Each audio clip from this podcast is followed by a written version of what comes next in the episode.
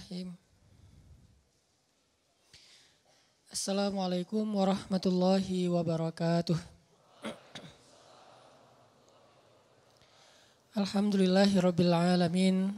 Alhamdulillahilladzi hadana lihada wa ma kunna linahtadiya laula an hadana Allah. Ashhadu an la ilaha illallah wahdahu la syarika lah. Lahul mulku wa lahul hamdu wa huwa ala kulli syai'in qadir.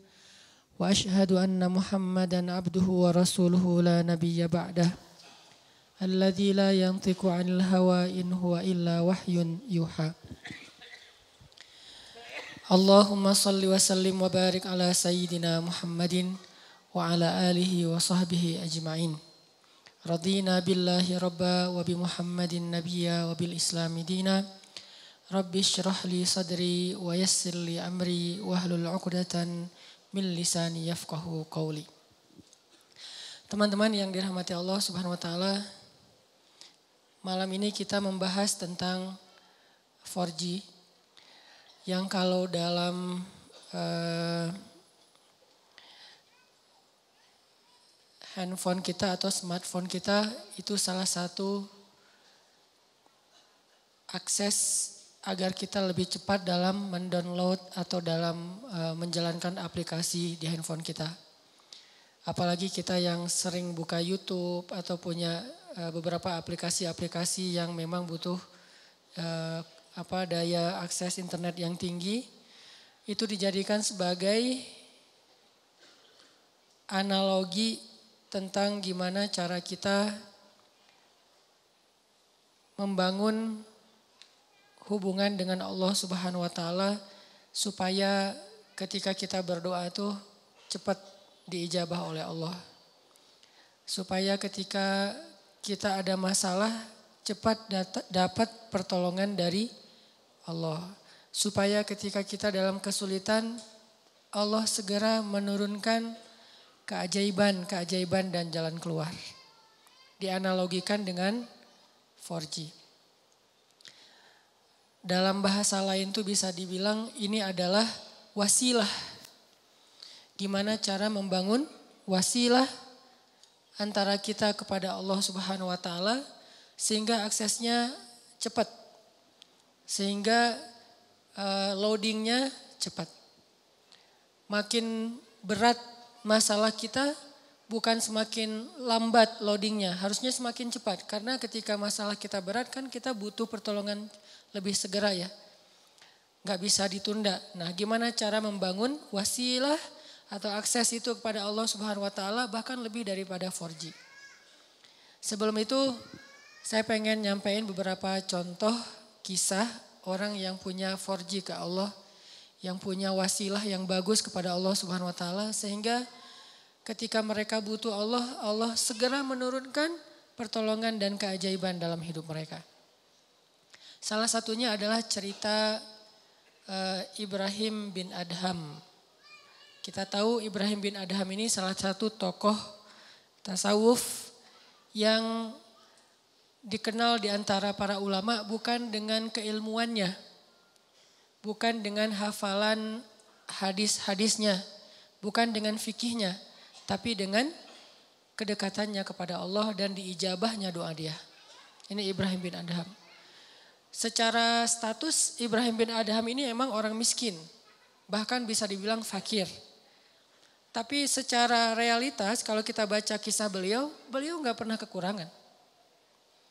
Beliau nggak pernah kesulitan. Miskin hartanya, hampir dibilang nggak punya aset, nggak punya tabungan. Tapi pengen apa aja Allah kabulkan. Mirip dengan uh, Uwais Al-Qarani di zaman tabi'in. Emang orang miskin dari desa Koran Yaman. Tapi Uwais Al-Qarani ini selalu dimudahin sama Allah dalam setiap urusannya. Jadi kesimpulannya dari sini kita jadi tahu yang paling kita butuhin dalam hidup itu bukan berlimpah harta. Yang paling kita butuhin dalam hidup itu bukan banyaknya aset. Walaupun itu baik dan itu sesuatu yang perlu disyukuri, bukan dihindari. Dan kalau perlu kita perjuangkan. Tapi itu bukan yang paling kita butuhin dalam hidup. Bukan banyak teman. Walaupun banyak teman itu justru kebaikan. Dan seorang muslim itu emang harus bermuamalah, harus terbuka, harus banyak teman, banyak sahabat, banyak pengikut kalau perlu. Tapi bukan itu nomor satunya. Karena kalau kita punya banyak harta, tapi Allah Subhanahu wa taala tidak memberikan kita kebaikan di dalamnya, maka harta itu tidak memberi manfaat apa-apa buat kita. Malah banyak banget orang yang dengan harta yang bertambah, bertambah juga masalahnya. Bertambah harta, bertambah konflik keluarga. Bertambah harta, bertambah banyak musuhnya. Bertambah harta, bertambah banyak yang ilfil sama dia. Yang lebih parah lagi bertambah harta, bertambah jauh dia dari Allah Subhanahu wa taala. Jadi ada dua kondisi nih. Ada orang yang minta harta karena dia salah paham, dia pikir kalau banyak harta itu hidupnya jadi mudah. Tapi biasanya kalau dia nggak hati-hati dengan bertambah harta, dia bertambah jauh dari Allah karena mulai lalai. Kalau tadi ketika hartanya sedikit, dia nggak bisa lalai. Kenapa? Nggak ada fasilitas, nggak ada modal. Mau lalai gimana? Mau jalan nggak punya modal, akhirnya di rumah aja. Mau entertain diri nggak punya modal, akhirnya entertain biasa-biasa aja di rumah. Paling minum teh di belakang sambil ngelihat anak-anak main itu entertain dia karena nggak cukup modal. Tapi buat yang udah modalnya lebih kan gak cukup entertainnya cuma minum teh kan. Buat orang yang punya harta lebih, masa kita malam mingguan cuma minum teh? Masa kita lagi liburan cuma di, di dalam kota aja gak ke mana-mana? Kenapa? Karena dia ngerasa bisa ngelakuin yang lebih dari itu. Sehingga dengan tambah harta, kalau nggak hati-hati malah tambah jauh dari Allah. Dia mengentertain dirinya, dia mulai uh, melakukan hal-hal yang sia-sia, dia mulai mengeluarkan hartanya di jalan-jalan yang bukan Allah ridhoi sampai mulai judi segala macam kan. Karena ngerasa dia punya uang dan tidak masalah kalau rugi-rugi dikit lah orang tabungan saya masih banyak. Mulailah dia ke Singapura, ke uh, apa ke Hong Kong, ke tempat-tempat yang walaupun bukan ke kotanya yang kita permasalahin, ke beberapa spot atau tempatnya. Ini dia minta harta banyak nih. Ternyata harta itu tidak ngasih dia kenyamanan hidup. Belum lagi nanti dengan kehidupan lifestyle-nya yang udah berubah, rumah tangganya udah nggak nyaman. Saya punya teman yang pernah ngerasain yang kayak gitu beberapa orang dan curhat. Alhamdulillahnya udah udah hijrah sekarang. Dia ngerasa kenapa ya uang saya banyak berlimpah, bisnis saya lancar kok saya kayak jauh gitu dari anak Hampir saya nggak pernah duduk bareng dengan anak, nggak pernah dengerin mereka curhat, nggak pernah nemenin anak saya main, bahkan nganterin sekolah atau jemput sekolah aja jarang. Saya pikir dengan memfasilitasi kebutuhan anak saya berarti saya udah sayang sama dia. Udah ada mobil pribadi khusus buat istri, buat anak, ada tiga anak masing-masing satu mobil. Dengan alasan yang masih logis. Kalau satu mobil bertiga nggak efektif karena sekolahnya jauh-jauh takut telat belum lagi nanti pulang sekolahnya beda waktu, kan gak nyaman. Akhirnya dikasihlah tiga mobil dan itu logis sebetulnya. Dengan tiga driver. Bayar sekolah, sekolah yang paling mahal. Kemudian di rumah masing-masing kamar tuh ada entertainnya dengan layar besar. Layar datar, gede dan segala macam, ada game segala macam. Pokoknya kehidupannya tuh udah sangat terfasilitasi, tapi kok gak happy. Mungkin mereka gak ngeluh masalah kurang makan, gak ngeluh masalah kurang biaya, tapi mengeluh kurang sentuhan dari orang tua. Dia ngerasain itu. Karena semakin dia sukses, jaringan dia semakin luas, terus kerjaan dia semakin banyak, deadline-deadline-nya makin banyak yang mengepres dia, bikin dia benar-benar dalam keadaan stres tinggi. Belum lagi nanti tuntutan entertainnya lebih besar karena teman-temannya berharap ke dia. Kayak misalnya kita ada duit, pasti teman kita pengen ditraktirin. Kalau kita nggak punya duit, nggak ada yang ngajak kita karena nggak bakal ditraktirin. Jadi diam aja uh, di rumah kan ya. Kalau misalnya dianggap kita sukses, kapan nih makan-makan kan suka gitu tuh. Kita baru dapat job nih, atau baru diterima kerja, atau baru selesai bisnis. Kapan nih makan-makan? Dan itu hal yang sangat wajar, natural terjadi. Sehingga keluar rumah pagi, pulang sore, malam harus keluar lagi buat entertain tamu segala macam. Dia punya beberapa Ferrari, Kadang-kadang balapan lagi malam minggu balapan. Gak bahagia. Sampai akhirnya dia banting setir, dia tinggalkan semua itu. Bahkan dia suka main ke Alexis dulu tuh. Dia bilang satu malam tuh bohong kalau orang bilang di sana biasa-biasa aja. Saya satu malam ngabisin di situ 150 juta Ustadz. 150 juta satu malam. Ini kata dia ya, bukan kata saya. Dan saya mah Pengen. Pengen berdakwah, ya curiga aja. Enggak lah, niatnya berdakwah pulang nauzubillah gitu. Dia 150 juta sema, semalam menghabiskan di sana dan dia tahu beberapa orang tamu-tamunya yang dibawa ke sana tuh jadi wajar kalau uang ratusan juta juga nggak cukup buat entertain aja udah sekian. Belum lagi yang istrinya yang tas Hermenya berapa sekali beli, sekali belanja. Belum lagi nanti biasanya kebutuhan mereka kan bertambah sesuai dengan ke, kemampuan ya. Kayak misalnya tadinya e, kalau masih kemampuannya terbatas naiknya motor bebek yang ngisi bensinnya paling pertalite. Dan itu juga berapa sih sebulan gitu kan. Kalau udah yang cc-nya 4000 mobil, belum lagi motornya. Dari pajaknya aja udah beda. Dari uh, servisnya aja udah beda. Pasti drivernya beda harga driver motor mobil Avanza sama driver yang udah pakai mobil-mobil mewah tertentu. Pasti beda harganya. Berarti bertambah kebutuhan bulanannya nih. Belum lagi mereka kalau mau tadi entertain itu udah beda seleranya. Kalau misalnya duit udah banyak, udah nggak mau lagi jalan-jalannya dalam negeri dong. Minimal Singapura. Lagian kadang-kadang udah sampai ada kesan bosan ah ke Singapura. Ke Singapura bosan. Ke mana tuh? Ke Jepang? Ah bosan. Ke mana? Ke Hong Kong? Ah bosan juga. Jadi banyak kota, banyak negara udah bosan. Maunya entah ke kutub atau ke planet lain gitu. Saking banyaknya duit. Dan itu natural terjadi loh. Pasti kayak gitu.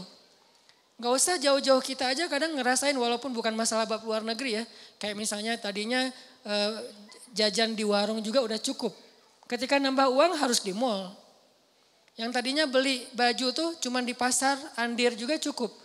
Sekarang harus ke PVJ, ke TSB. Kenapa beda? Karena kemampuannya udah bertambah, jadi seleranya juga nambah. Rasa-rasanya pakai baju yang gak ada brand itu kayak e, malu gitu. Ketika kita udah punya kemampuan, lebih semuanya harus branded. Kehitung aja dari ujung kepala sampai ujung kakinya itu berapa juta satu ini aja udah kadang sepatu di rumahnya itu sampai beberapa lusin. Ada yang udah sampai lupa, saya punya sepatu itu ya sampai kayak gitu. Artinya ini kalau Allah kasih harta doang, bukan harta, harta doang ya. Karena kalau harta masih e, ada kalimat berkah, baik. Jadi jangan menjudge orang kaya, bukan. Kalau cuman harta doang, ini kondisinya kayak gitu. Satu lagi kondisinya nggak dikasih harta, tapi Allah kasih kasih sayang Allah. Allah kasih perhatian Allah. Allah bikin dia dari jadi preferred uh, apa hamba, jadi VIP. Dia mungkin gak punya harta, tapi ketika dia butuh ada aja. Allah ngasih dia uh, kebaikan sesuai dengan kebutuhan dia.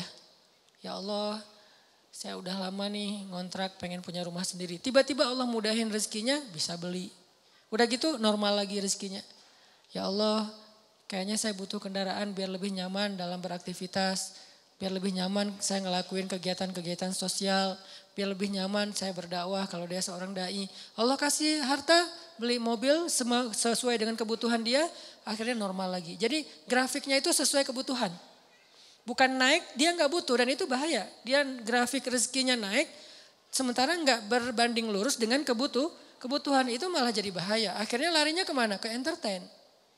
Kalau grafik rezekinya naik sesuai kebutuhan, itu akan istilahnya berkah bermanfaat banget. Kayak misalnya tiba-tiba dia dikasih rezeki karena emang bentar lagi anaknya mau sakit. Sebelumnya Allah udah siapin. Tiba-tiba dapat beberapa uh, apa usaha, proyek dan segala macam, dapat untung anaknya sakit. Jangan langsung suuzan sama Allah. Kayaknya nggak bisa nih saya dapat uang sedikit langsung dikasih ujian. Bukan. Allah kasih rezeki itu karena Allah udah tahu anak kita mau sakit. Disiapin dulu. Jangan dibalik. Giliran saya ada rezeki sakit, inilah itulah segala macam. Kayak nggak bisa aja saya pegang duit. Bukan, kebalik. Kalau Allah nggak takdirkan anaknya sakit, mungkin nggak ada rezeki sebelumnya. Jadi Allah siapin dia biar dia nggak panik. Karena Allah tahu batas kuota iman dia itu Allah tahu. Ada orang yang imannya dikasih ujian dulu baru dikasih pertolongan. Ada yang Allah imannya dikasih pertolongan dulu baru dikasih ujian. Kan beda-beda nih. Nah kita nggak tahu, kadang kita ngerasain disiapin dulu sama Allah, baru dikasih ujian. Kadang-kadang juga dikasih ujian dulu, baru dikasih pertolongan. Kadang-kadang nggak dikasih ujian aja ngeluh. Nah ini lebih parah lagi nih. Nah Kadang kondisinya kayak tadi, kita disiapin dulu sama Allah, dimudahin dulu urusan-urusan kita, dilancarkan dulu rezeki kita, baru dikasih ujian. Kenapa kok tetap dikasih ujian? Karena Allah pengen ngelihat kita masih believe gak sama Allah, masih keep the faith gak, masih berdoa gak kepada Allah walaupun rezeki kita udah cukup nih untuk ngatasin masalah kita. Akhirnya kita pakai rezeki itu. Dan Allah pengen nguji juga, kira-kira kita berat gak nih dengan ujian itu ketika Allah sudah memberi kita rezeki. Dapat uang misalnya baru kemarin ada kayak ada project gitu dapat 100 juta. Udah gitu terjadi musibah, anak sakit, habis setengahnya 50 juta. Kita ngeluh. Aduh, kalau saya nggak ada masalah pasti saya masih utuh nih 100 juta. Enggak, justru Allah subhanahu wa ta'ala ngasih kita bonus 50 juta.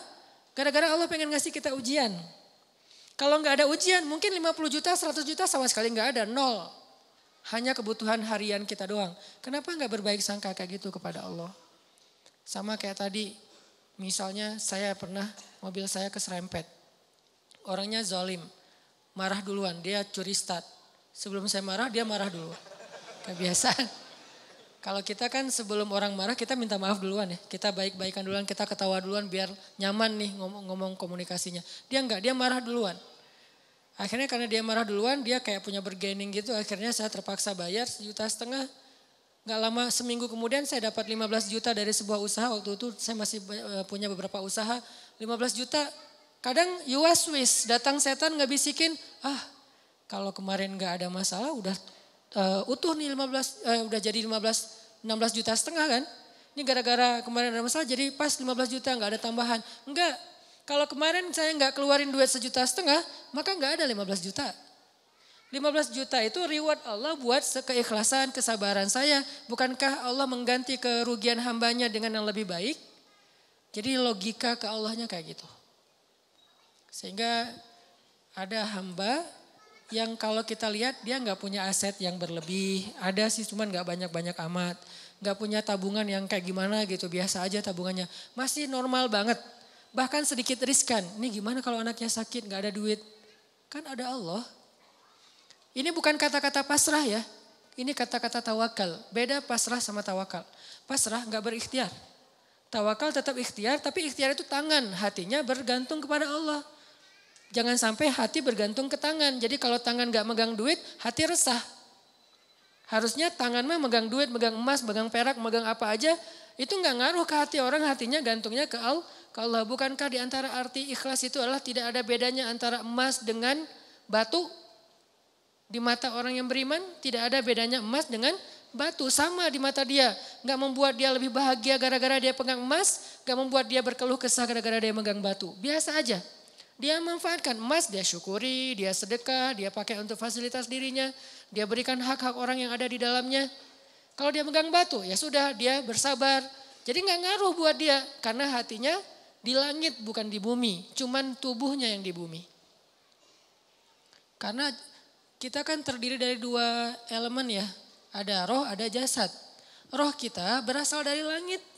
Jasad kita berasal dari bumi, diciptakan dari tanah, itu jasad. Tapi roh itu tiupan Allah. Sehingga harus kembali kepada fitrah masing-masing. Roh itu adanya hati, maka hati kita harus selalu terikat dengan langit. Walaupun realitasnya tubuh kita tetap berada dan berpijak di bumi. Jangan sampai hati ikut-ikutan berpijak di bumi. Inilah yang jadi bahaya. Ketika hati kita udah berpijak di bumi, saat itu kita keluh kesah, saat itu kita uh, kurang bersyukur, saat itu kita jadi ah banyak masalah. Jadi ada kayak keresahan gitu. Oh, dia asetnya pas-pasan, tabungannya sedikit. Kalau anaknya sakit gimana? Kalau dia ada masalah nanti gimana? Dia pakai apa? Dia asuransi nggak ikut segala macam. Ini kalimat-kalimat orang yang mungkin masih lebih percaya kepada fasilitas harta daripada hubungan dengan Allah. Ini saya lagi ngomongin hati ya, tidak ngomongin bab ikhtiar. Kalau bab ikhtiar seolah-olah kita hidup selama-lamanya. Jadi terus mencari dunia. Dengan tangan, dengan kaki, dengan tenaga, dengan pikiran. Tapi hati kita yakin semua itu ada di dalam genggaman Allah. Kalau bisa benar-benar sesuai fitrah ini, hidup kita bakalan nyaman. Mau kaya, mau biasa, mau ber, uh, kurang, mau cukup, mau kayak gimana aja. Benar-benar seperti kata Nabi, ajaban li amril mu'min, betapa menakjubkan orang yang beriman. In asabathu sarra syakara fakana khairallah. Wa in asabathu darra sabara fakana khairallah. Wa laisa dzalika illa li mu'min. Jadi kalau dia dikasih nikmat, dia bersyukur, itu baik. Dikasih ujian, dia bersabar, itu baik. Wa laisa dzalika li ahadin illa lil mu'min. Enggak ada yang bisa ngerasain itu kalau enggak karena dia beriman kepada Allah SWT. Jadi mau milih yang mana nih? Kalau harus milih. Harta berlimpah tapi Allah enggak titipin keberkahan di dalamnya. Atau pas-pasan tapi nanti kalau butuh apa-apa Allah segera kasih. Kira-kira kalau mau jujur banget kita mau pilih yang mana? Enggak ada yang ketiga. Cuman begitu doang nih. Karena kalau ada yang ketiga berarti kita nggak belajar iman. Ketiga itu bonus, bukan bagian dari pilihan kita. Allah kasih. Walaupun kita selalu berharap yang terbaik kan. Harta yang banyak tapi juga Allah berkahi. Pengennya kayak gitu. Tapi itu gak, namanya bukan ujian. Itu namanya karunia. Dan dalam karunia itu kita nggak perlu bisa menunjukkan bahwa kita orang yang sabar. Gimana belajar sabar sementara hidup kita nyaman? Gimana kita mau disebut orang yang sabar? Nggak ada masalah. Gimana kita mau disebut pemaaf, nggak ada yang buat salah kepada kita.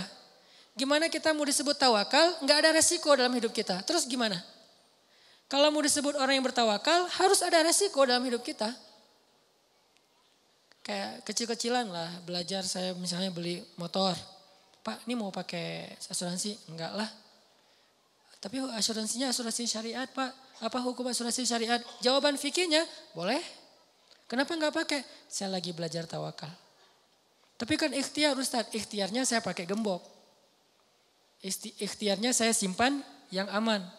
Tapi dan saya nggak nyalahin orang yang pakai asuransi syariah, tapi dengan kata-kata syariah ya.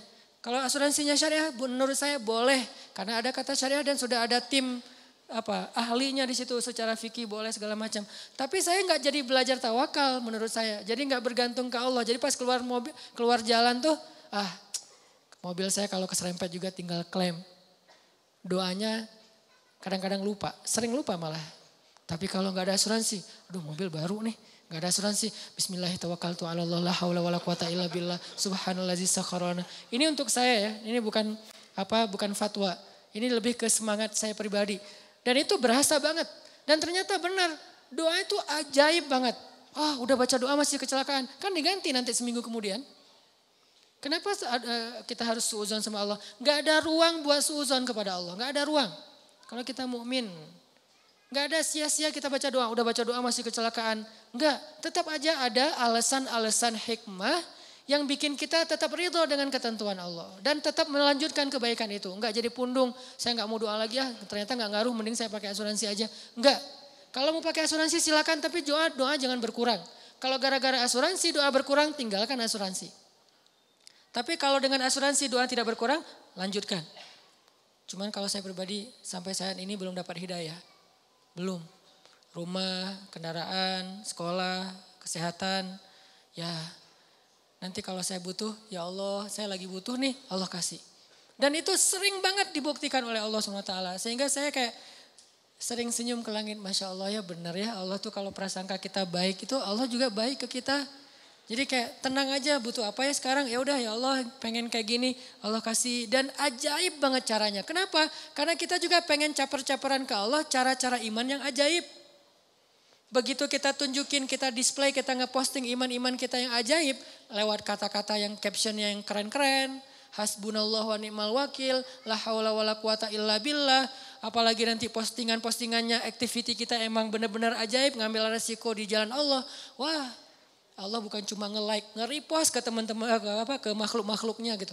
Lihat nih hambaku, hambaku, hambaku. Sehingga Allah nolongin kita sambil ngepamerin kepada makhluknya biar mereka tahu betapa Allah itu Maha Pengasih lagi Maha Penyayang. Ini cara bangun akses ke Allah biar 4G. Bukan berarti saya udah 4G, ini lebih ke kayak sharing pengalaman kecil saya yang teman-teman pasti punya yang lebih dari itu dan saling watawa sobil hak di sini watawa sobis sob saling sharing biar kita makin yakin dan makin sabar. Jadi ternyata 4G kita itu dalam hidup bukan fasilitas hidup, 4G kita itu bukan kekuatan fisik, 4G kita itu bukan networking, 4G kita itu adalah hati. Jadi kalau ibarat hidup kita itu adalah perangkat smartphone, maka 4G-nya adalah iman hati. Makin kuat iman berarti makin 4G. Makin lemah iman berarti tidak 4G. Makin lemah lagi bahkan sinyalnya putus-putus.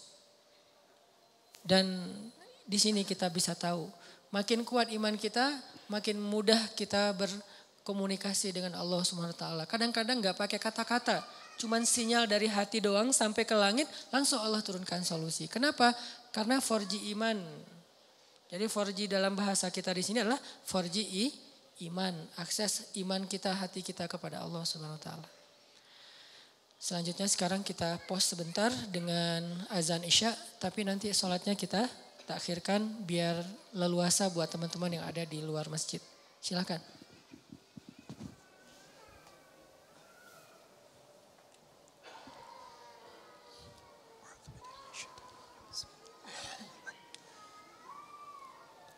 Allah. Teman-teman yang dirahmati Allah Subhanahu wa taala. Orang yang sudah sampai ke derajat Eh, termasuk di antara aulia atau wali-wali Allah Subhanahu wa taala atau punya akses yang udah 4G ke Allah Subhanahu wa taala tuh tidak selalu hidupnya berlimpah berlimpah harta, tapi berlimpah rahmat. Jadi buat dia cara berpikirnya bukan wah kayaknya saya udah tenang nih soalnya saya udah siap kalau ada apa-apa, saya bisa bayar, saya bisa ngongkosin, saya bisa ngebiayain, saya udah punya duit, saya punya tadi asuransi segala macam. Bukan gitu pola pikir dia.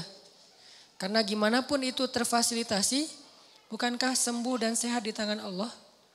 Bukankah masalah itu ada dan dicabut itu Allah yang tentuin? Bukankah lebih baik kita nggak kena musibah daripada harus membayar musibah?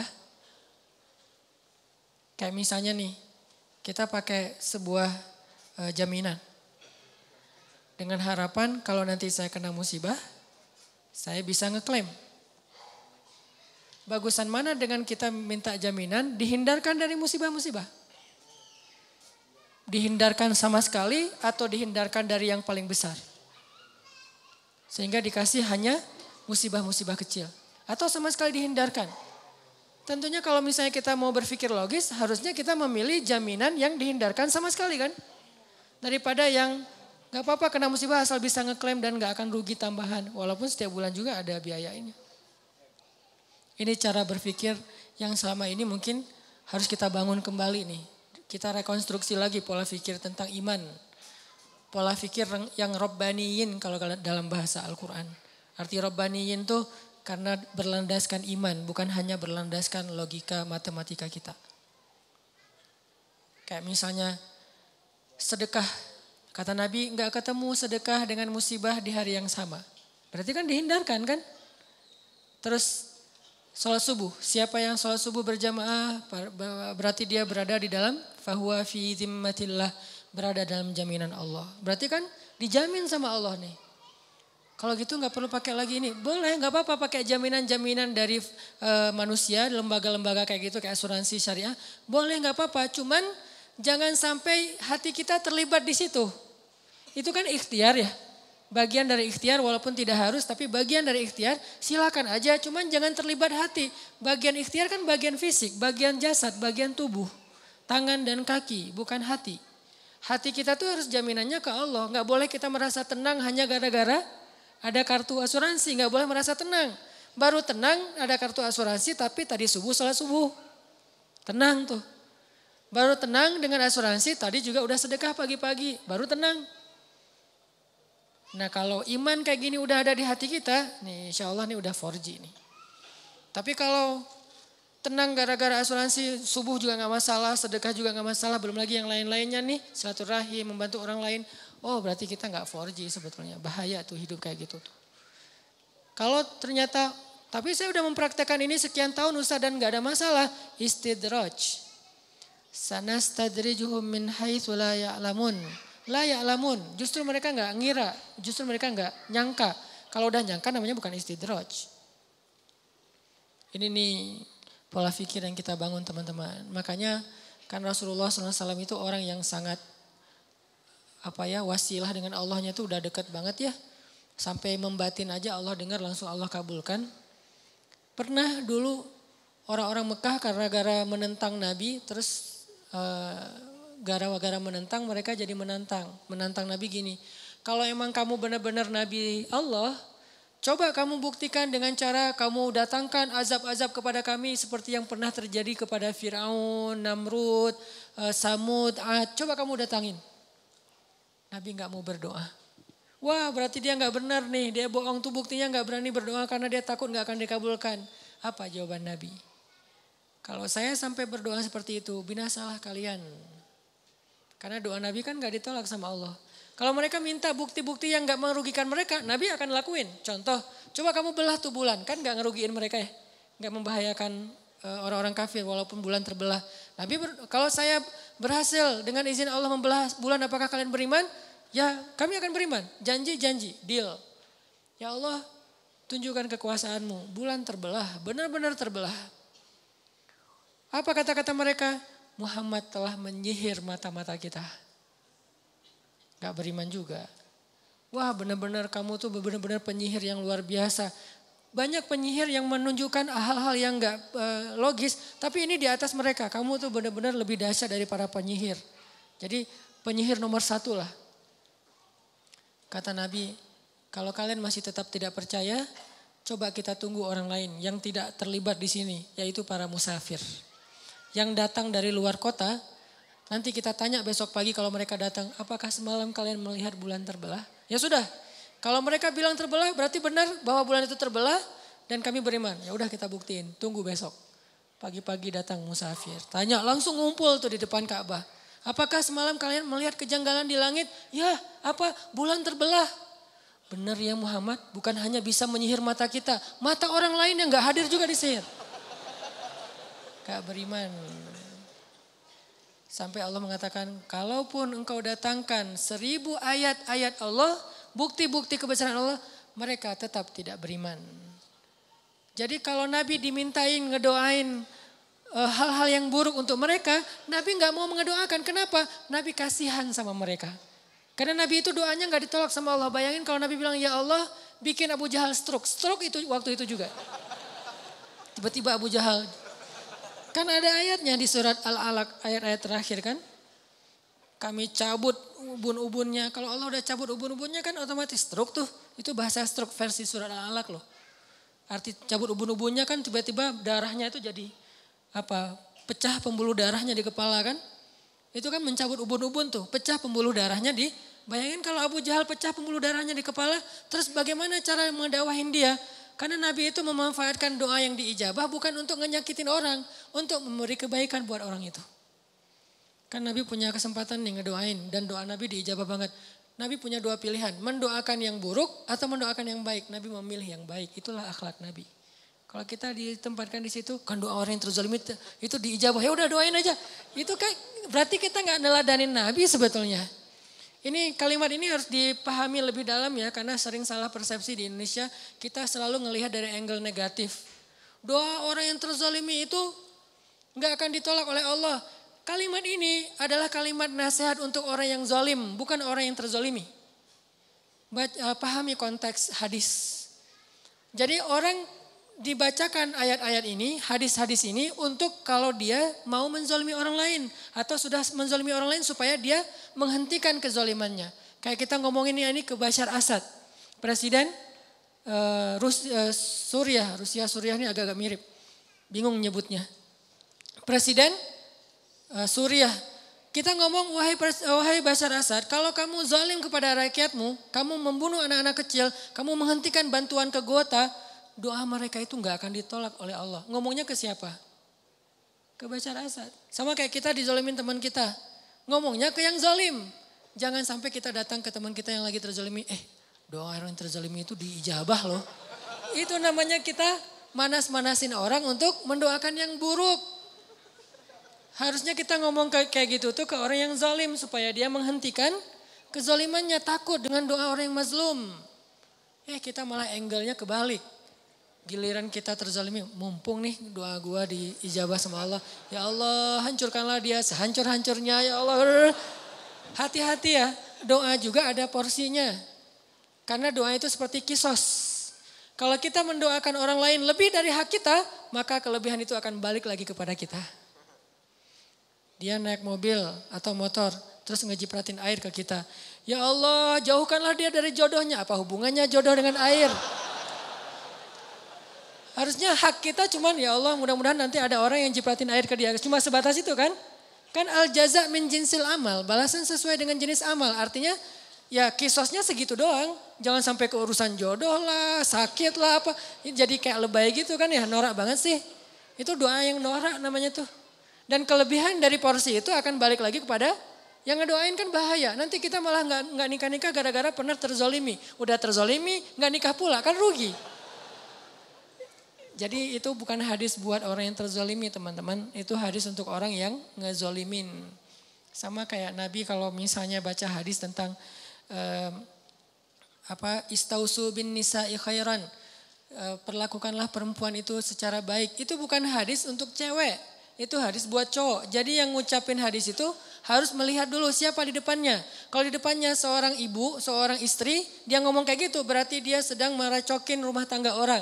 Karena si istri ini nanti akan nuntut suaminya seperti di dalam hadis. Itu hadis diucapin kepada suami. Jangan didengar oleh istri. Kenapa? Nanti dia akan memikirkan haknya bukan mikirin kewajiban. Tapi kalau hadis tentang seandainya saya boleh menyuruh manusia sujud kepada manusia, saya suruh istri sujud kepada suami. Yang ngomongin itu adalah istri. Jadi ada materi ibu-ibu, ada materi bapak-bapak. Jangan sampai seorang ustadz ceramah tentang sujudnya perempuan kepada suaminya di depan suami. Itu bikin suami makin kegeeran. Wah sayang istri saya nggak datang nih, padahal bagus banget nih materi malam ini, gitu kan ya. Akhirnya minta ke panitia, ada nggak rekaman yang semalam? Untuk apa pak? Mau saya share ke istri saya. Ini yang terjadi. Dan ustaznya juga salah ngomong di depan bapak-bapak. Gimana kalau campur dua-duanya? Berarti yang seimbang infonya. Jangan berat sebelah, ini namanya adil kan? Karena dengan adil itu lebih dekat kepada ketakwaan. Jadi intinya Nabi itu doanya diijabah. Tapi beliau nggak memanfaatkan buat ngehancurin musuh-musuhnya. Kecuali memang sudah masanya kayak Nabi Nuh. Doa beliau kan diijabah dalam waktu yang 950 tahun doa beliau hanya untuk kebaikan kaumnya aja. Ya Allah beri mereka petunjuk ini, ini, ini, ini. Tapi Allah yang menentukan. Setelah 950 tahun baru Nabi Nuh berdoa ya Allah hancurkanlah orang-orang kafir itu sehancur-hancurnya. Jangan biarkan mereka punya keturunan karena keturunan mereka akan merusak di muka bumi. Kapan Nabi Nuh doa itu? setelah 950 tahun berdoa. Wajar nggak sih ngedoain kayak gitu? Ditentang, dihina, dicela, dibully. 950 tahun dibully loh di grup. Kita baru berapa lama dibully di grup geng kita? Share hadis, wah sok soleh, wah ada ustadz, ada nabi palsu, segala macam. Udah 950 tahun, akhirnya kita keluarin lagi kalimat, ya Allah hancurkanlah semua anggota member apa grup ini belum 950 tahun. Jadi manfaatkanlah kesempatan kita kalau lagi dizolimi untuk ngedoain yang baik-baik. Kalau nggak bisa yang baik-baik buat orang lain karena nggak rela banget nih, minimal untuk diri sendiri. Apa salahnya? Kan itu kesempatan banget kan buat kita ngedo berdoa dan Allah ijabah. Kalau nggak bisa ngedoain ya Allah beri dia petunjuk kayak rasanya agak-agak kayak nggak rela gitu kan. Udah jahatin saya didoain yang baik lagi. Nggak semua orang mampu, realistis aja lah. Kalau nggak bisa gitu minimal buat diri sendiri ya Allah tambahkanlah kesabaran saya. Loh kok minta disabarkan? Berarti makin mau aja disakitin. Bukankah sabar itu kebaikan bahkan lebih dari setengah iman? Hampir bisa dibilang seluruh iman kita itu adalah intinya sabar. Sehingga yang dibilang yang dibilang orang mukmin adalah orang yang sabar. Orang yang sabar berarti dia mukmin. Berarti kita minta kebaikan ya Allah kuatkanlah kesabaran saya, Kayak misalnya kita lagi baper sama pasangan kita, jangan ngedoain yang buruk buat dia. Kalau nggak sanggup ngedoain yang baik buat dia, minimal yang baik buat kita. Ya Allah kuatkan kesabaran saya, ya Allah jadikan saya lebih baik, ya Allah jadikan saya lebih apa dicintai oleh dia. Yang baik-baik aja minta. Nah, ini orang yang mencontohi teladan Rasulullah SAW. Jadi selama ini banyak angle tentang siroh Nabi yang kayaknya perlu kita lihat dari angle yang lain terlalu mainstream kalau hanya melihat angle-angle yang biasa kita dengar selama ini. Bukan salah, cuman kayaknya masih kurang utuh. Saya nggak suka menyalahkan orang lain, tapi masih kurang utuh. Ternyata ada angle yang lebih efektif daripada angle. Salah satu contohnya yang tadi aja. Ini Nabi Muhammad SAW kayak pas beliau eh, apa pulang dari Taif kan disakitin kan. Terus malaikat minta Nabi berdoa aja kepada Allah. Karena malaikat tuh nggak bisa ngelakuin sesuatu tanpa izin Allah. Allah bilang ke malaikat, lakukan apa pun yang diminta oleh Muhammad. Kalau minta di, di apa di balik tuh gunung ditimpakan kepada orang-orang Taif, malaikat lakuin apa aja pokoknya. Eh, kesempatan itu malah Nabi doain ya Allah, maafkanlah mereka, sesungguhnya mereka tidak mengerti. Minta maaf untuk mereka. Dan aku berharap anak cucu mereka kelak yang akan menerima agama ini. Ini doa yang baik, padahal beliau lagi dizolimi, masih mengalir darah di pelipis beliau. Masih kotor baju beliau. Masih orang ketawa tentang beliau. Anak-anak kecil ngelemparin beliau. Perempuan-perempuan ngejar beliau.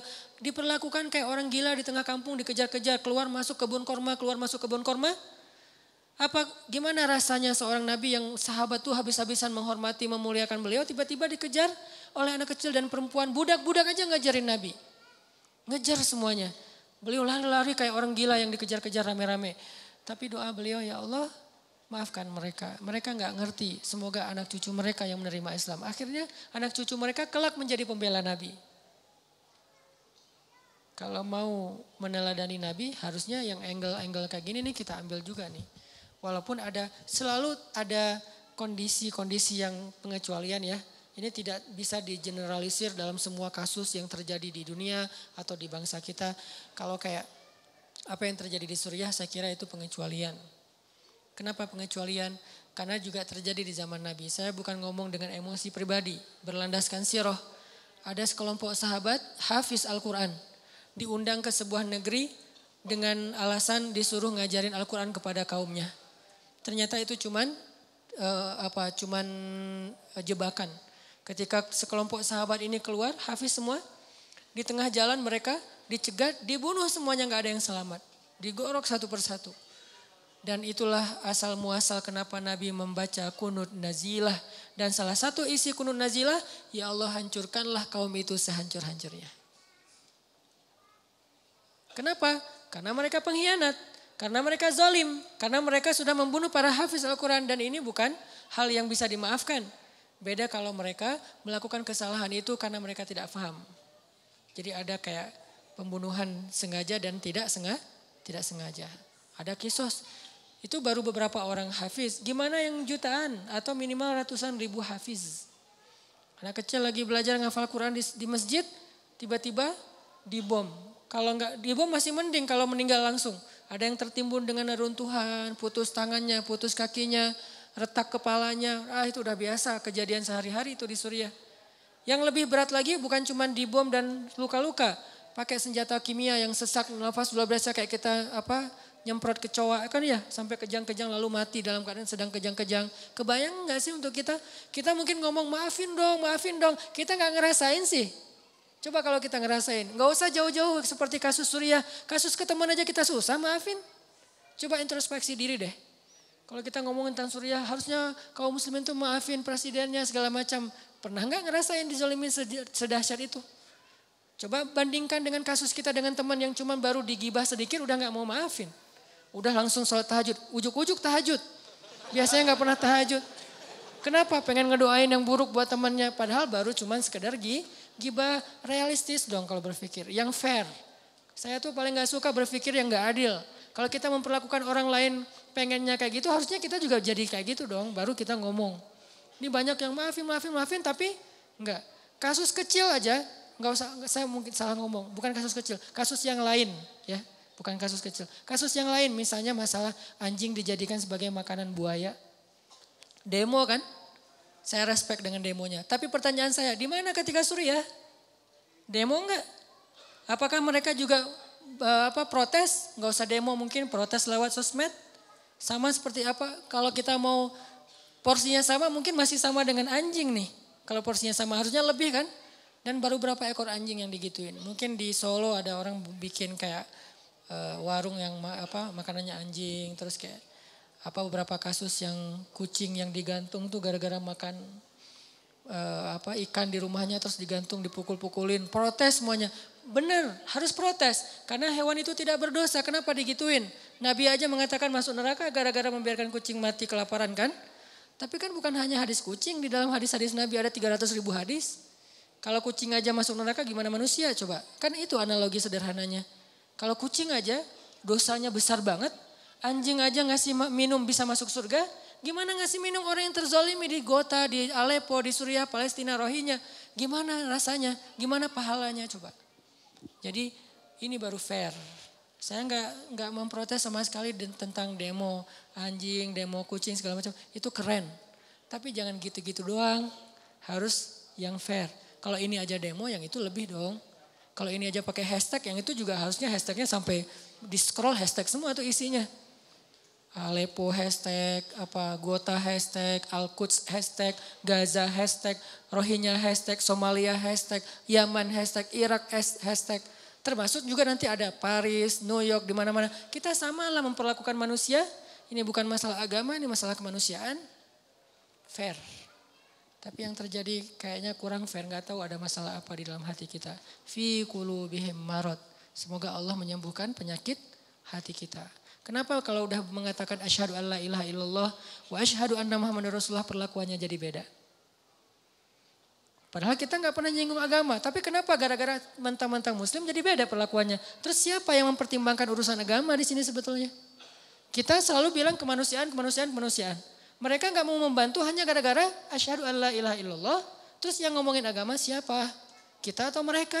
Dan kita mah nggak membedakan yang ngomongin asyhadu alla ilaha illallah kita bantu, yang nggak ngomongin asyhadu alla ilaha illallah asal terzolimi kita juga ikut simpatik dan membantu semampu kita. Kalau nggak membantu pun minimal kita menyatakan sikap kasihan dengan apa ikut eh, prihatin dengan kondisi di Amerika beberapa saat yang lalu atau di bahkan di Israel ketika ada badai.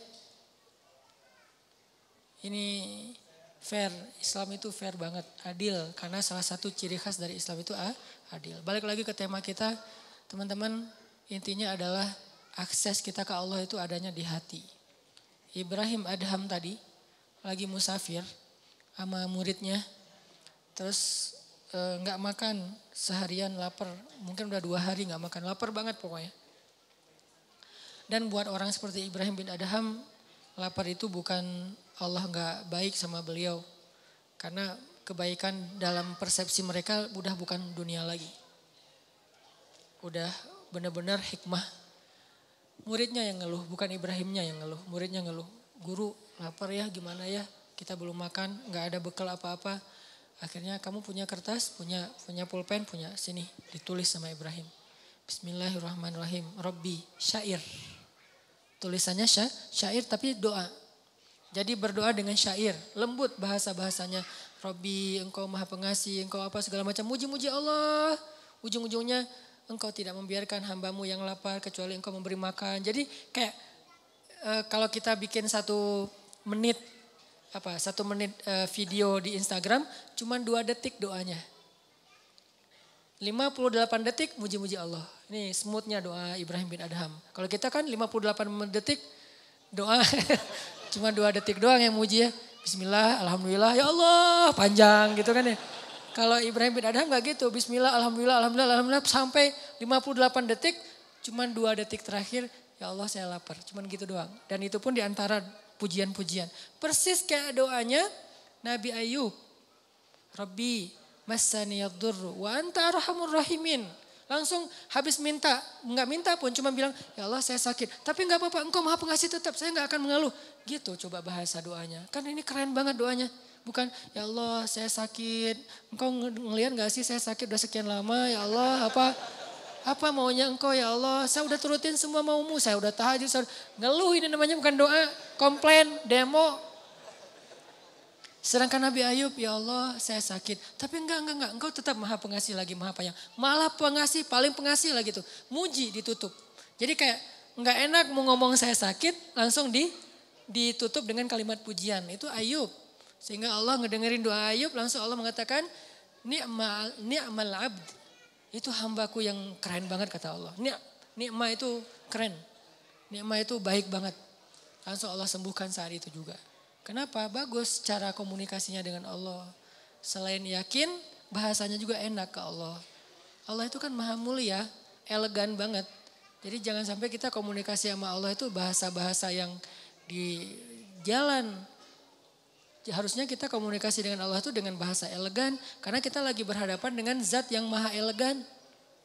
Maha mulia, maha bijaksana, maha santun. Coba lihat bahasa Al-Quran kan santun banget. Sama kayak bahasa Nabi kan Nabi orangnya santun banget. Kalau ngomong tuh muter dulu padahal maksudnya ini. Kenapa? Gak tega mau ngomong langsung. Mikir panjang. Sama kayak yang saya bilang kemarin Nabi mimpi ngelihat surga terus di dalamnya ada istana yang indah. Gak sengaja di sebelahnya ngelihat cewek lagi main ayunan. Nabi gak bilang itu istri siapa. Gak bagus nih nanya istri orang. Tapi Nabi nanya itu rumah siapa? Otomatis itu istri yang pemilik rumah. Kan keren bahasanya. Itu rumah siapa Jibril? Rumahnya Umar. Astagfirullah langsung balik arah. Nggak sengaja ngelihat istrinya U. Umar ngomong ke Umar, aku lihat rumah kamu di surga. Oh gitu ya Rasulullah, terus gimana? Ya udah gitu aja kata Nabi. Nggak mau dijelasin, kau khawatir Umar jadi cemburu. Nabi kok ngeliat istri saya sih kan jadi gitu ya, nggak enak ya. Dia aja Nabi, ya Rasulullah jelasin gimana suasana rumah saya, pekarangan kayak gimana gimana gitu. Terus kata Nabi, nggak usah lah Umar udah cukup segitu aja berbahagialah. Ya Rasulullah ngejar terus akhirnya Maaf ya, nggak sengaja istri kamu lagi ayun-ayunan saya ngeliat, tapi nggak sengaja loh Umar. Ya Rasulullah, Umar tersenyum. Bagaimana mungkin saya cemburu kepada engkau ya Rasul? Baru Nabi apa lega gitu. Kan lembut banget cara Nabi bertutur. Allah aja nyuruh kita, eh, nyuruh Nabi Musa dan Harun ngomong ke Firaun itu waqula lahu qaulan layinan. Ucapkanlah untuk Firaun itu kalimat yang lembut wahai Musa dan Harun karena Allah tahu banget lah hamba yang satu ini Musa ini kalau ngomong wah orasi Musa teh. Beda dengan Harun diplomasi kan. Kalau Musa itu orasi, orator banget. Wahai Firaun, harusnya gitu. Tapi enggak, wahai Firaun. Gara-gara apa? Baca deh emosi, secara emosi ayat di surat Toha dan Al-Qasas. Makanya saya suka tafsir Fizilalil Quran, nanti teman-teman bisa cari di toko buku. Tafsirnya eh, Syekh Said Kutub yang ditulis dalam penjara tuh. Karena itu tafsir tafsir yang paling emosional. Dia kayak ngelibatin emosi hamba yang beriman dalam memahami sejarah adegan-adegan kayak gitu. Sehingga kita kebayang gitu ke, eh, kejadiannya. Kalau nggak ada emosinya kan kayak flat ya, kayak kita baca adegan biasa aja. Ternyata kalau kita baca dari angle emosional kita terlibat dalam ayat Al-Quran, itu benar-benar Nabi Musa itu berbicara lembut dengan Firaun. Firaun ngomong, Nabi Musa diam. Nggak dibantah sama Nabi Musa. Nanti pas Firaun udah selesai ngomong, baru Nabi Musa ngomong. Nggak ada bantah-bantahan, potong pembicaraan, apa segala macam, pura-pura teleponnya, apa uh, disconnect akhirnya diputus. Maaf ya tadi uh, keputus padahal emang sengaja diputus. Nggak ada Nabi Musa kayak gitu. Didengerin, udah selesai ngomong dijelasin lagi. Dan jujur, siapa yang ngomong gini wahai Musa? Allah kata Musa. Kamu tahu ini enggak? Enggak tahu, Allah yang tahu. Saya tanya dulu ke Allah, jujur enggak sok tahu. Ini bahasa-bahasa yang lembut. Kita ke Allah juga gitu. Nabi Zakaria, ذكر رحمة ربك عبده زكريا إذ نادى ربه نداء خفيا نداء خفيا. Suara yang lirih. Ngomong sama Allah itu lembut. قال رب إني وهن العظم مني واشتعل الرأس شيبا ولم أكن بدعائك رب شقيا di ayat yang lain Rabbi habli min ladunka dzurriyyatan thayyibah innaka sami'ud du'a apa rahasia dari kalimat ini Nabi Mus, Nabi Zakaria itu udah berdoa puluhan tahun loh tapi selalu mengatakan engkau maha mendengar doa bukan engkau dengar gak sih ya Allah bukan Udah puluhan tahun minta anak masih ngomong sesungguhnya engkau maha mendengar doa. Pujian. Nggak ngeluh sama sekali. Kan bagus banget bahasanya. Harusnya awal-awal engkau maha mendengar doa ya Allah. Engkau dengar kan ya Allah. Eh dengar gak sih? Nah kan berubah nih. Awalnya yakin, mulai ragu, akhirnya ingkar. Ini kita. Kalau Nabi Zakaria makin lama berdoa makin inna kasami doa. Engkau maha mendengar doa, engkau maha mendengar doa. Terus aja gitu. Belum dikabulkan sehari, sebulan, setahun. Inna kasami'ud doa, dua tahun. Inna kasami'ud doa, sepuluh tahun. Sampai puluhan tahun masih kalimatnya inna kasami doa engkau maha mendengar doa. Apa kurang yakin Nabi Zakaria? Makanya Allah tuh sayang banget akhirnya dikasih langsung sekali dikasih anak terbaik. Bisa dibilang kata sebagian ulama satu-satunya orang yang nanti di hari akhirat ketika dibangkitkan gak punya dosa. Yahya alaihissalam. Makanya kalimatnya wassalamun alaih yauma wulida wa yauma yamutu wa yauma yub'atsu hayya. Salam Selamat dia ketika dia dilahirkan, selamat ketika dia diwafatkan, dan ketika dia dibangkitkan udah selamat. Bangkit udah selamat. Jadi kalau di antara sahabat ada yang dijamin masuk surga, itu kualitasnya kayak gitulah kurang lebih Nabi Yahya di antara para ambia. Pastinya semua itu adalah keutamaan yang dimiliki oleh Rasulullah SAW. Cuman kalau di nabi-nabi yang lain di share beda-beda. Kalau Nabi Muhammad semua keutamaan para ambia ada pada diri beliau. Tapi nabi-nabi yang lain beda-beda. Nabi ini lebihnya di sini, nabi ini lebihnya di situ. Karena kata Allah, eh, wa kadzalika faddalna ba'dahum ala ba' begitulah kami berikan kelebihan sebagian nabi atas sebagian yang lain. Beda-beda kelebihannya. Tapi Nabi Muhammad merangkum semua kelebihan para ambia dari Nabi Adam sampai Nabi Isa. Semua mujizat ada pada beliau, cuman gak semua dikeluarin. Kalau mau, beliau tuh kayak kayak avatar gitu kan semua elemen dikumpulin kan. Itu Muhammad banget tuh. Yang lain kan dibagi-bagi, ada yang api, ada yang tanah, ada yang air. Ini semuanya dapat. Nabi Sulaiman dengan jinnya, Nabi Muhammad bisa lebih dari itu, cuman gak mau pamer. Kalau mau, Nabi Muhammad bisa lebih dari Nabi Sulaiman, ngumpulin pasukan jin. Nabi Sulaiman berperang dengan pasukan jin. Nabi Muhammad pasukan malaikat, lebih keren siapa? Cuman kan bukan kita mau banding-bandingin para ambia ya. Lebih kepada mau ngelihat betapa luar biasanya Nabi Muhammad. Nabi Sulaiman perang pakai pasukan jin. Ada jin penyelam, free dive gitu jinnya teh. Dan ayatnya emang gitu, jin penye, penyelam berarti kan free diver ya. Kalau free diver sekarang mungkin 500-600 meter nyelam, itu udah kiloan meter, kilo, kilo apa kilometer loh. Itu benar-benar free diver yang legend banget lah udah udah kedalaman yang sampai nggak tembus cahaya matahari. Ada jin yang kerjanya sebagai juru masak, chef. Bayangin jin chef, itu gimana masakan? Darah, tulang gitu ya. Jadilah masakan-masakan yang istimewa jin lagi nge-chef gitu di dapur. Tiba-tiba free divernya tuh datang, eh kasihan banget saya lo kerjanya di dapur melulu nggak pernah ke laut. Emang di laut gimana? Wah keren banget. Gua nyelam setiap hari itu udah di mana-mana udah terumbu karang di daerah Bunaken, di mana-mana udah gua lihat tuh ada jin server. Wah, ombak di sana masih uh, apa uh, lebih keren di sini nih. Ombak udah barrel, udah segala macam. Pokoknya jin-jin laut nih, jin cai. Ini ada jin ulin, ada jin yang apa ya, di dapur. Ya, jin ulin nih yang udah biasa ulin selalu postingan snapgram mereka tuh seru-seruan yang di dapur. Ya ya, kok saya mah snapgramnya piring lagi, piring lagi datang nih jin laut, manas-manasin jin dapur. Eh lu ikutin dong sekali-kali kita lagi, ini bentar lagi kita mau touring loh gitu. Oh begitu? Ya, yuk kita ikut touring. Nih gua sediain nih motor buat lo. Misalnya kalau nggak mau pakai yang mahal-mahal amat, minimal lu pakai yang Triumph lah misalnya. Lo pakai nih Triumph punya gua kalau nggak mau pakai Harley. Oh beneran, beneran. Ah nggak jadi ah kenapa? Last minute dia bilang nggak jadi. Padahal touring udah pada siap nih, orang udah pada ngumpul di apa meeting point. Kenapa nggak jadi? Takut kepada Sulaiman. Padahal Sulaiman nggak ada. Bukan cuma nggak ada, sudah tiada. Bukan cuma nggak ada, sudah tia, tiada. Artinya mereka nggak tahu kalau Sulaiman sudah wafat. Cuman wafatnya keren sambil duduk. Kalau kita, bukan kita, kalau orang yang nggak beriman mungkin wafatnya jungkir balik ya. Ini duduk aja tenang sambil zikir wafat baru jatuh gara-gara tongkat beliau pegang itu dimakan rayap. Dan kira-kira berapa lama buat rayap butuh waktu untuk merusak tongkat. Dan itu tongkat warisan para nabi, berarti tongkat yang kayunya bagus. Beberapa hari kan?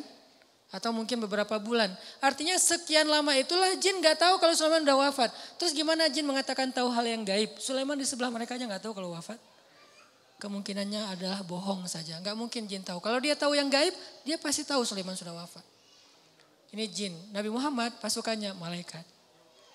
Kalau Nabi Sulaiman lalu lalang jin masuk keluar masuk ke istana beliau, Nabi Muhammad malaikat keluar masuk ke masjid beliau. Dan bukan malaikat biasa.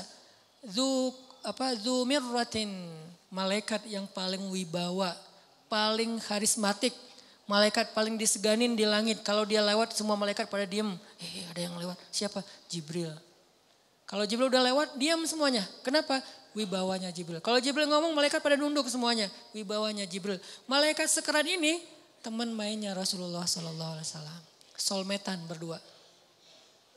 Sampai kalau Jibril nggak datang Nabi Muhammad sedih. Ke mana ya Jibril udah lama nggak ngopi bareng. Ngeliat ke langit, Jibril ke mana ya? Mau ditelepon nggak punya nomornya. Karena nggak ada telepon dulu, doa aja ya Allah mana Jibril, mana Jibril, mana Jibril. Jibril juga di langit, aduh pengen banget ketemu Nabi Muhammad nih di bawah gimana ya nggak bisa turun. Kenapa? Wa ma natanazzalu illa bi amri rabbik. Asbabun nuzul ayat itu di surat Maryam. Kami tidak turun Muhammad kecuali perintah Allah. Pengen sih turun cuma belum ada perintah jadi nggak bisa. Walaupun malaikat itu emosional, punya perasaan, tapi nggak bisa menurutkan perasaannya kecuali dengan sami'na wa ta'ana. Jibril pengen turun, Muhammad pengen ketemu. Sama-sama kangen nih, bayangin kangennya dengan manusia, dengan malaikat. Kan keren banget. Malaikat aja kangen sama Nabi. Kita nggak ada yang ngangenin. Aduh. Ini malaikat aja kangen. Kan keren banget akses 4G-nya ya. Pas Jibril turun, wah Jibril, wah Rasulullah, slow motion. Akhirnya Nabi nanya Jibril ke mana aja? Kok nggak pernah uh, ketemu udah beberapa hari? Ya, ya Rasulullah saya juga kangen. Tapi kata Allah, wa ma illa bi amri rabbik. Kami tidak turun kecuali dengan perintah Allah. Akhirnya ditulis syair, bahasa-bahasa yang lembut. Di, ada sedikit kalimat ya Allah kita uh, kami lapar. Tapi kecil, ibarat baitnya panjang, cuman setengah bait kami lapar. Sisanya puji-pujian ke Allah. Lalu setelah Ibrahim bin Adham selesai nulis kayak gitu, digulung kertasnya, dikasih ke muridnya, dia bilang, keluarlah dari masjid ini, serahkan kertas ini kepada orang yang pertama kamu temui di luar masjid. Siapa? Pokoknya siapa aja, laki-laki ya, bukan cewek, bahaya kalau cewek. Laki-laki pertama yang kamu temui di luar masjid, keluar tuh lagi di jalan di depan masjid tiba-tiba muncul seorang laki-laki lagi bawa bungkusan gitu. Assalamualaikum, Waalaikumsalam Pak ini ada kertas dari siapa? Dari guru saya. Pas dibaca langsung menangis laki-laki itu diserahkan bungkusan itu kembalilah kepada gurumu. Pas dibuka adalah seribu dinar. Siapa laki-laki itu? Allah alam. Semudah itu menyelesaikan masalah di antara mereka.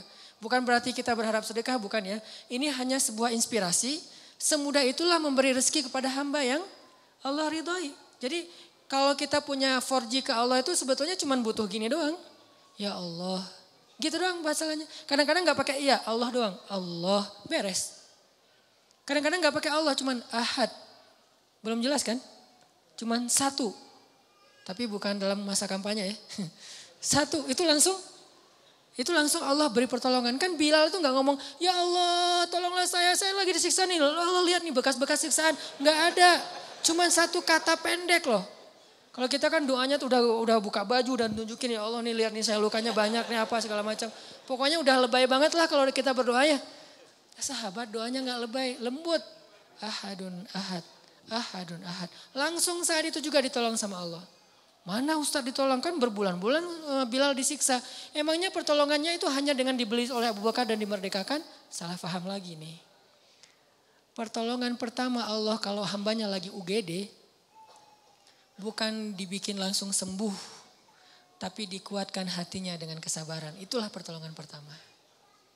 Bilal ketika disiksa, Allah nggak langsung nolong Bilal dengan cara dibeli sama Abu Bakar di hari yang sama, hari ini disiksa, hari ini dibeli, hari ini dibebasin. Ah itu nggak keren ceritanya. Gak ada kelihatan kesan Bilal sabar, terus nggak jadi cerita yang melegenda kan. Kalau cuman hari itu disiksa, hari itu dibeli, hari itu dibebasin, nggak akan melegenda nama Bilal. Dia melegenda karena lama disiksa. Karena hampir-hampir orang itu nggak apa nggak e, yakin Bilal akan bertahan. Dan ketika Bilal disiksa, hari itu juga Allah mengutus Jibril dan Allah menyuruh Jibril untuk menguatkan hati Bilal. Kayak disupport banget Bilal semua. Jadi ibarat Bilal didorong, Jibril yang nahan di belakang. Jadi badan Bilal itu nggak perlu pakai tenaga pasrah aja. Kayak kita lagi tawaf puncak tawaf ifadah tuh di Ka'bah. Kalau lagi tawaf ifadah kita tawaf tuh nggak perlu melangkah, berdiri aja, muter sendiri. Saking padatnya kak Ka'bah berdiri aja. Saya dulu waktu masih haji itu tawaf ifadah pas pulang habis jamarah pertama langsung tawaf ifadah. Itu rap, rapat banget, saking rapatnya nggak perlu gerak. Gini aja, tidur juga nggak masalah. Tidur tiba-tiba udah 21 putaran, tiga kali tawaf gitu ya.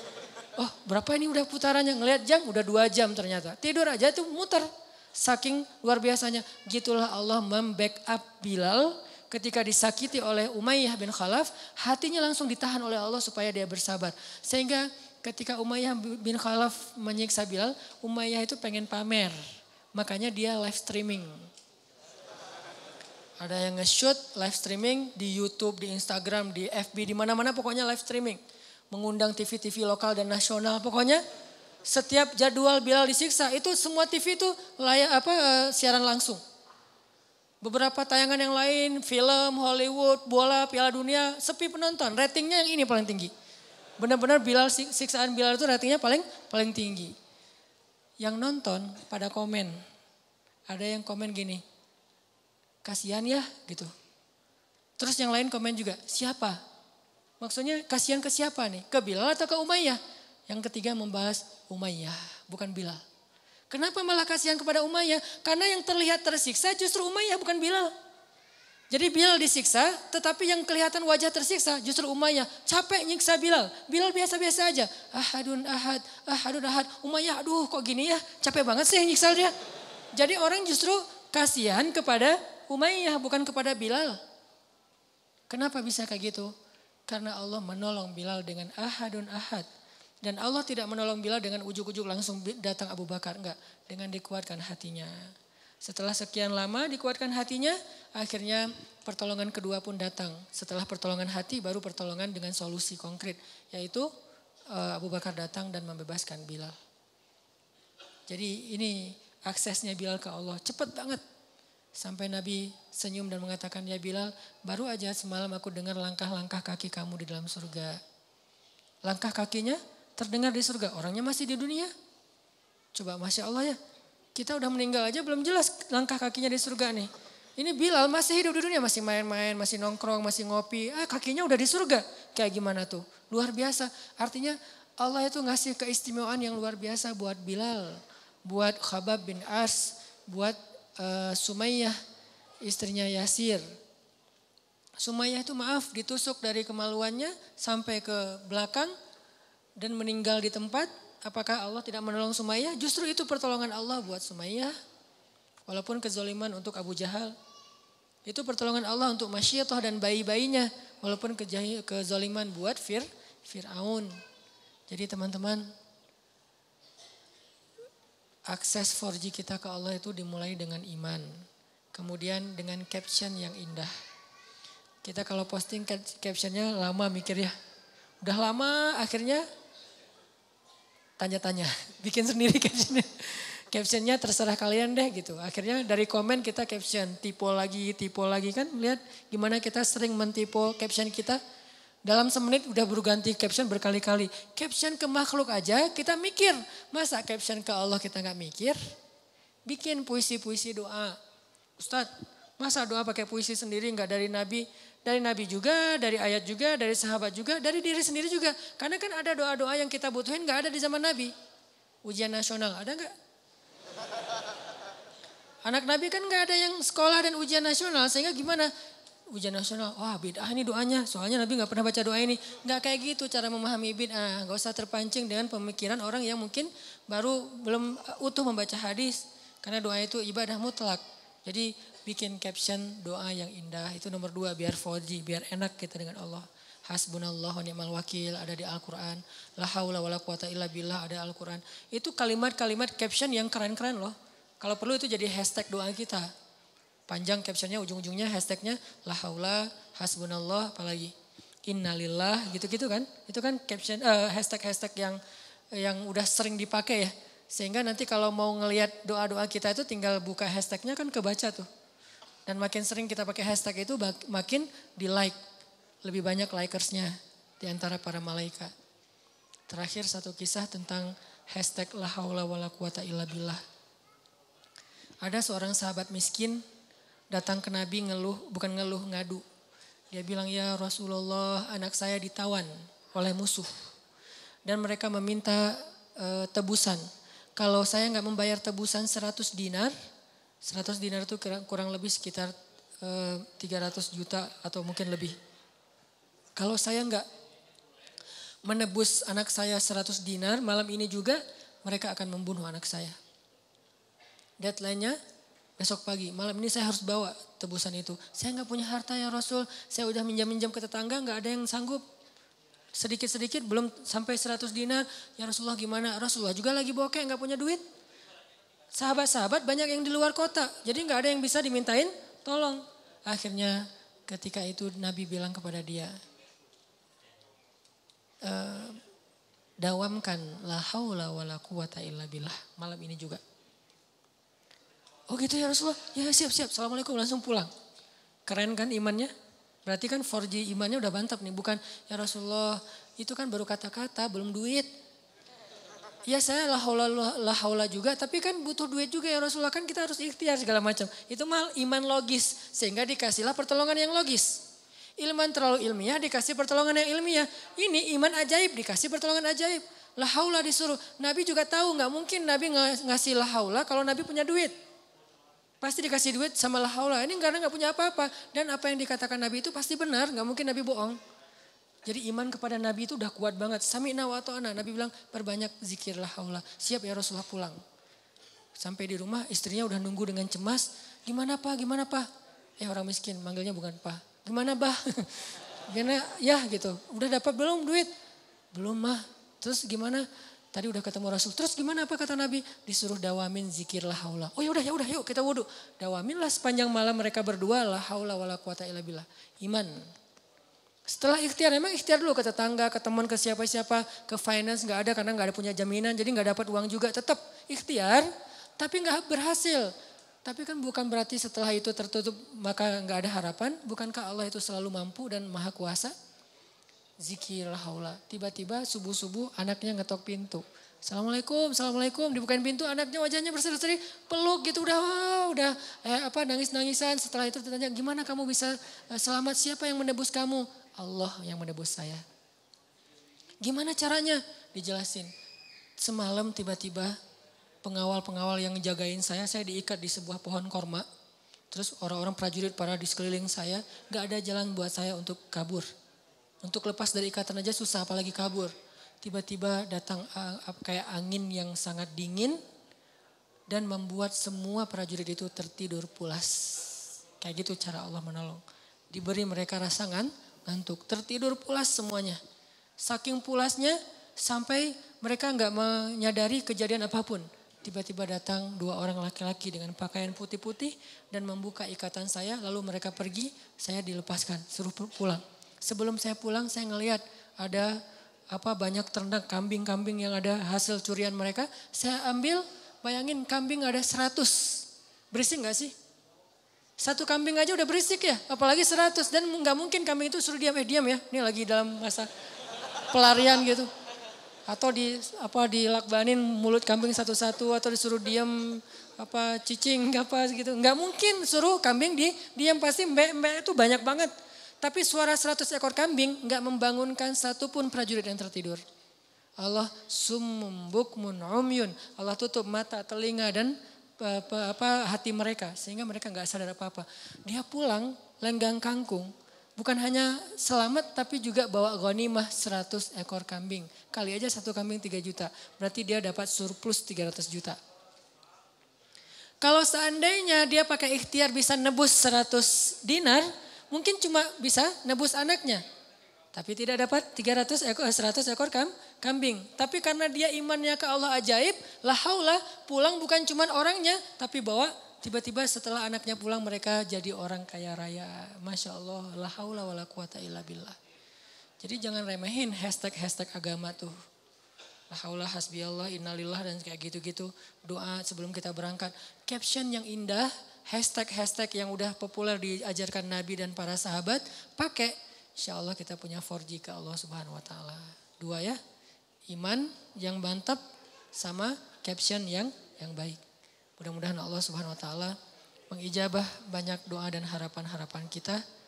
Membimbing hati kita dalam keislaman kita, dalam hijrah kita, dalam taubat kita. Dan semoga Allah subhanahu wa ta'ala setiap saat menambah pemahaman kita dengan tentang agama dengan majelis ilmu. Eh, semoga dengan kita hadir dalam majelis ilmu ini bukan hanya bertambah wawasan, tapi bertambah mulia akhlaknya, bertambah pula imannya. Karena majelis ilmu pada hakikatnya adalah tajdidul iman, recharge iman kita, refresh iman kita. Jadi kalau dengan hadir majelis ilmu nggak bertambah iman, kayaknya sia-sia. Harus bertambah iman. Kalau tambah wawasan doang belum sempurna. Karena tidak mungkin orang yang beriman, eh, orang yang berilmu disebut berilmu kalau tidak bertambah iman. Karena innama yakshallah min ibadihil ulama. Orang berilmu itu orang yang beriman kepada Allah, yang takut kepada Allah. Barakallahu li walakum. Allahumma gfir lana dunubana wa liwalidayna warhamhuma kama rabbayana sigara. Allahumma a'inna ala dzikrika wa syukrika wa husni ibadatik. اللهم إنا نسألك رضاك والجنة ونعوذ بك من سخطك والنار اللهم حبب إلينا الإيمان وزينا وزينه في قلوبنا وكره إلينا الكفر والفسوق والعصيان واجعلنا من الراشدين اللهم رب الناس أذهب البأس اشفي أنت شافي لا شفاء إلا شفاءك اشفي شفاء لا يغادر سقما ربنا آتنا من لدنك رحمه وهيئ لنا من أمرنا رشدا واجعل لنا من كل ضيق مخرجا ومن كل هم فرجا ومن كل عسر يسرا. اللهم انصر الإسلام والمسلمين اللهم انصر إخواننا المسلمين في غوته اللهم انصر إخواننا المسلمين في سوريا اللهم انصر إخواننا المسلمين في فلسطين اللهم انصر إخواننا المسلمين في يمن اللهم انصر إخواننا المسلمين في العراق. اللهم انصر إخواننا المسلمين في رحنا ربنا هب لنا من أزواجنا وذرياتنا قرة أعين واجعلنا للمتقين إماما ربنا آتنا في الدنيا حسنة وفي الآخرة حسنة وقنا عذاب النار Teman-teman yang dirahmati Allah, sekali lagi saya tetap mengumumkan bahwa pintu donasi kita belum ditutup, kesempatan donasi masih terbuka. Insya Allah sampai pertengahan April karena saya berangkat ke camp pengungsi Suriahnya pekan terakhir di bulan April.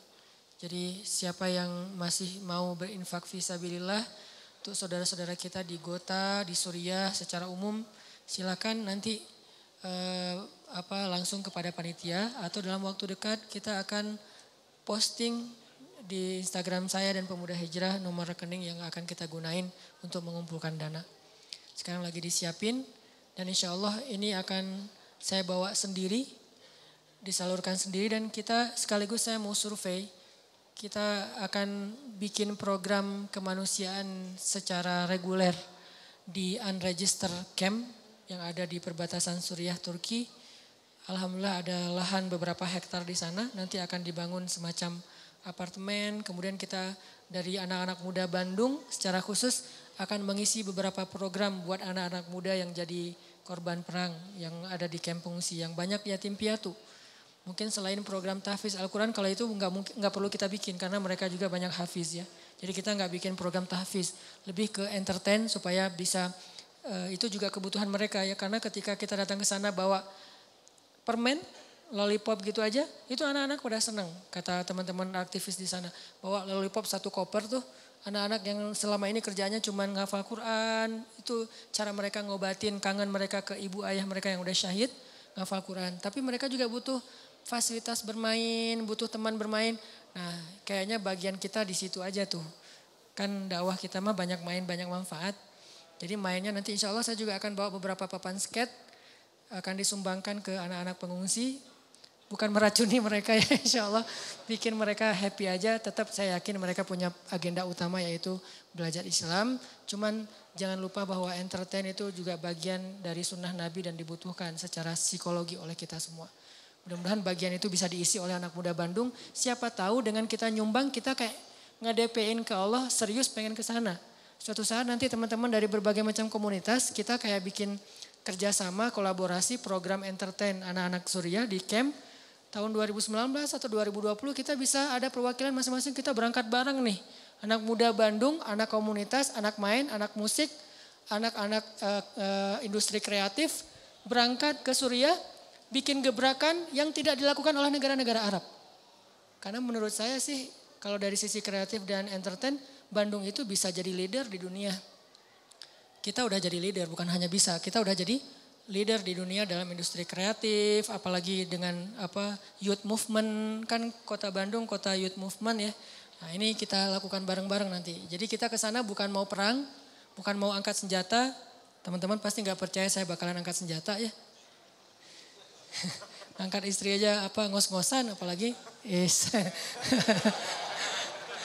ngangkat senjata. Kita insya Allah bakalan ngisi program-program lebih kepada kemanusiaan dari angle youth anak muda. Jadi saya tetap motivasi yuk kita bareng-bareng siapin dari sekarang. Siapa tahu 2019, 2020 benar-benar Bandung anak mudanya sampai ke Suriah, sampai ke Palestina untuk membantu uh, kemanusiaan dari kreativitas kita di uh, di Bandung insya Allah. Saya yakin banget itu gampang dilakukan oleh kita. Barakallah. Assalamualaikum warahmatullahi wabarakatuh.